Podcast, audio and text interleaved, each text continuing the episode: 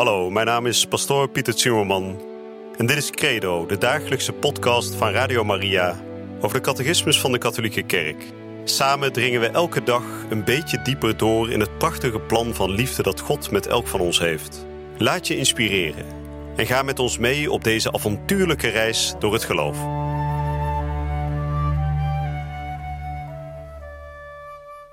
Vrienden, welkom terug bij Credo. Weer een nieuwe uitzending waarin we gaan spreken over de zonde. Ja, we kunnen leukere thema's bedenken, maar ja, goed, het is wel belangrijk natuurlijk.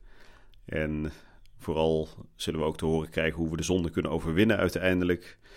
Maar we moeten eerst wel weten wat die zonde nou precies is. En daar hebben we de afgelopen dagen ook over gesproken. We hebben gesproken over de val van de eerste mensen, Adam en Eva, onze voorouders.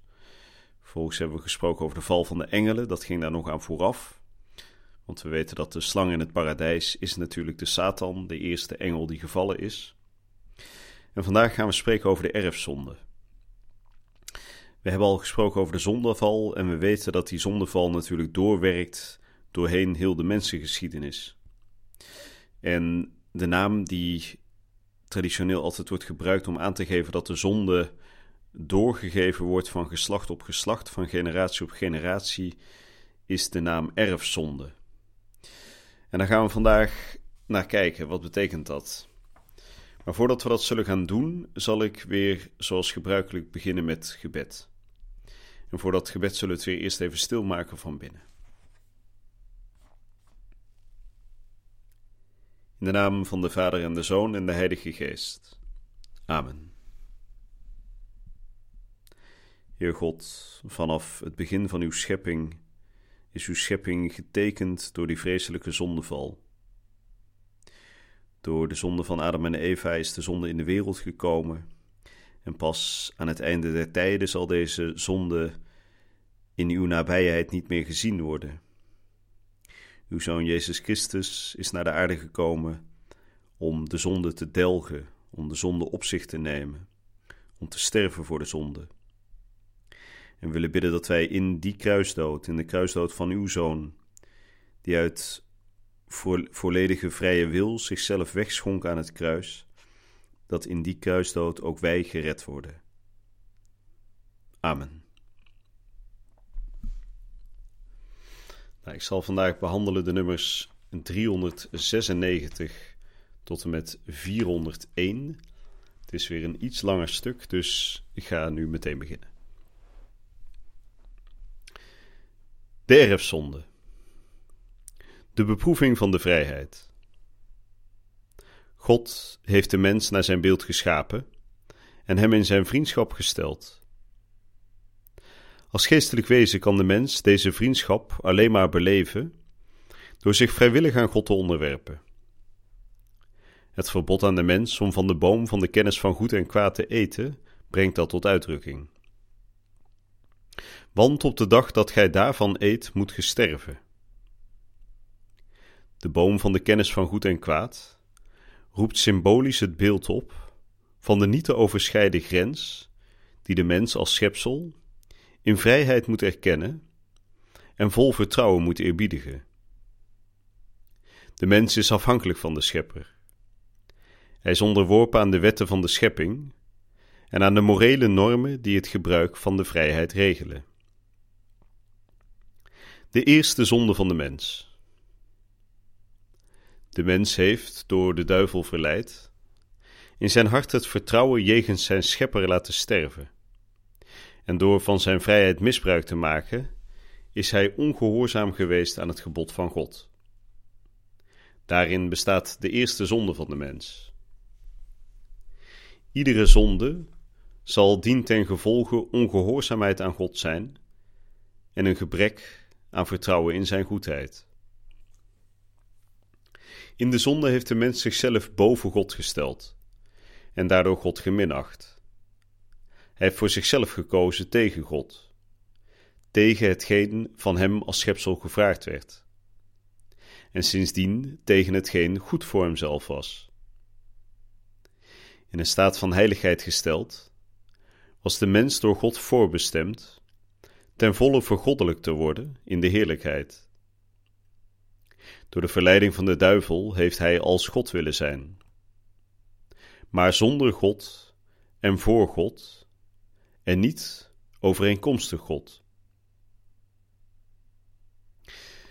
De schrift toont de dramatische gevolgen van deze eerste ongehoorzaamheid. Adam en Eva verliezen onmiddellijk de genade van de oorspronkelijke heiligheid. Zij zijn bang voor deze God, van wie zij een verkeerd beeld hebben. Het beeld van een God die angstig waakt over zijn voorrechten. De harmonie waarin zij dankzij de oorspronkelijke gerechtigheid gevestigd waren, is vernietigd. De macht van de geestelijke vermogens van de ziel over het lichaam wordt teniet gedaan. De eenheid van man en vrouw wordt blootgesteld aan spanningen. Hun verhouding zal gekenmerkt worden door begeerte en overheersing. De harmonie met de schepping wordt verbroken. De zichtbare schepping is voor de mens vreemd en vijandig geworden. Door de schuld van de mens is de schepping onderworpen aan een zinloos bestaan. Ten slotte zal het gevolg, uitdrukkelijk aangekondigd voor het geval het vergrijp van ongehoorzaamheid plaatsvindt, werkelijkheid worden. De mens zal terugkeren naar de grond waaruit hij is genomen. De dood doet zijn intrede in de geschiedenis van de mensheid. Sinds deze eerste zonde overspoelt een ware invasie van zonde de wereld. De broedermoord door Kain, gepleegd op Adel, de algehele ontaarding ten gevolge van de zonde. Evenzo manifesteert zich in de geschiedenis van Israël de zonde veelvuldig, vooral als ontrouw aan de God van het verbond en als overtreding van de wet van Mozes. Ook na de verlossing van Christus manifesteert de zonde zich onder de christenen op talrijke manieren. De schrift en de overlevering van de kerk houden niet op de aanwezigheid en de universaliteit van de zonde in de geschiedenis van de mens in herinnering te brengen. Wat wij door de goddelijke openbaring te weten komen, stemt overeen met de ervaring.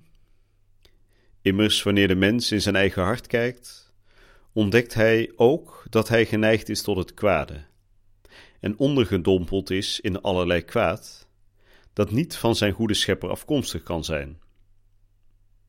Door keer op keer te weigeren God als zijn oorsprong te erkennen, heeft de mens de juiste orde, die hem op zijn laatste doel richtte, verbroken. En daarmee ook heel de ordening, zowel met betrekking tot zichzelf, als tot de andere mensen en al het geschapene. Nou, flinke lab vandaag. Belangrijke punten worden er weer genoemd. Het een en ander hebben we natuurlijk al gehoord. Hè. De dood die doet zijn intrede in de geschiedenis van de mensheid. En dat is natuurlijk de zondeval. Vanaf dat moment komt de dood in de wereld. Daarvoor bestond de dood nog niet. En we hebben gehoord dat deze zonde doorwerkt in de loop van heel de mensengeschiedenis. En die eerste zonde, namelijk ontrouw en ongehoorzaamheid, die blijft zich herhalen. We zien dat er meteen een soort kettingreactie komt van kwaad in de wereld. En we zien dat zelfs al bij het hele oude verhaal van Kain die zijn broer Abel vermoordt. Dus vanaf het moment dat Adam en Eva zijn gevallen, zal die zonde zich op allerlei manieren blijven manifesteren in de geschiedenis van de mensheid. En we hebben net gehoord dat de mens geneigd blijft tot het kwade. We weten, en daar gaan we ook meer over spreken de komende weken, dat Jezus Christus naar de aarde is gekomen, uiteraard om ook voor ons het mogelijk te maken die zonde te overwinnen. Maar dat betekent niet dat ook wij, zelfs de gedoopten, zelfs de christenen, die geneigdheid tot de zonde tot het einde van ons leven zullen houden. dus daar moeten we tegen strijden en dat is niet iets wat automatisch weggaat, zelfs niet door het doopsel. Een doopsel, en dat zullen we ook later nog uitgebreid horen, geeft ons de genade van de bekering en van de redding, maar we kunnen die redding ook weer kwijtraken. Nou, we zullen in de komende dagen er nog verder over gaan spreken welke gevolgen die zonde nou heeft gehad. En waarom staat de catechismus daar zo lang bij stil? Omdat als we niet weten wat de zonde is, dan weten we ook niet hoezeer we behoefte hebben aan een verlosser. Je ziet dat een groot euvel van onze tijd is dat veel mensen niet meer durven erkennen dat ze zondaars zijn. En dan gaan ze aan een soort zelfrechtvaardiging doen. Dan zeggen ze: Ja, ik leef toch goed, ik ben toch goed. Wat doe ik nou verkeerd? Nou, op het moment dat je jezelf op die manier gaat zitten vrijpleiten, dan ontken je dus eigenlijk de erfzonde die doorheen heel de geschiedenis duidelijk zichtbaar is. En die ook uiteraard in ons eigen leven zichtbaar is. En meestal als je mensen een beetje helpt in voorbereiding op hun biecht, op hun eerste biecht, dan komen ze vaak tot de ontdekking dat ze wel degelijk zondaars zijn.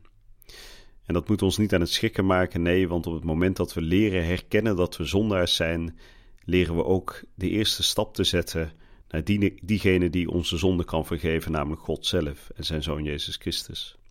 Dus het herkennen van de zonde in ons eigen leven is uiteindelijk alleen maar iets goeds, want dan pas kunnen we werken aan vergeving, aan bekering, aan wederopbouw. Nou, we zullen daar nog uitgebreid over gaan spreken. Voor nu wens ik u een hele goede en gezegende dag toe. Je luisterde naar Credo, de dagelijkse podcast van Radio Maria over de catechismus van de Katholieke Kerk. Credo is iedere werkdag te beluisteren op Radio Maria. Maar je kunt de afleveringen ook in je eigen tempo terugluisteren op onze website, in de app of op Spotify en de andere platforms. Via de website radiomaria.nl vind je dagelijks de link om de bijbehorende teksten uit de catechismus mee of terug te lezen. We zijn erg dankbaar voor alle giften die wij mogen ontvangen. Daardoor kunnen we ons goede werk blijven doen. Draag je ook bij aan deze missie?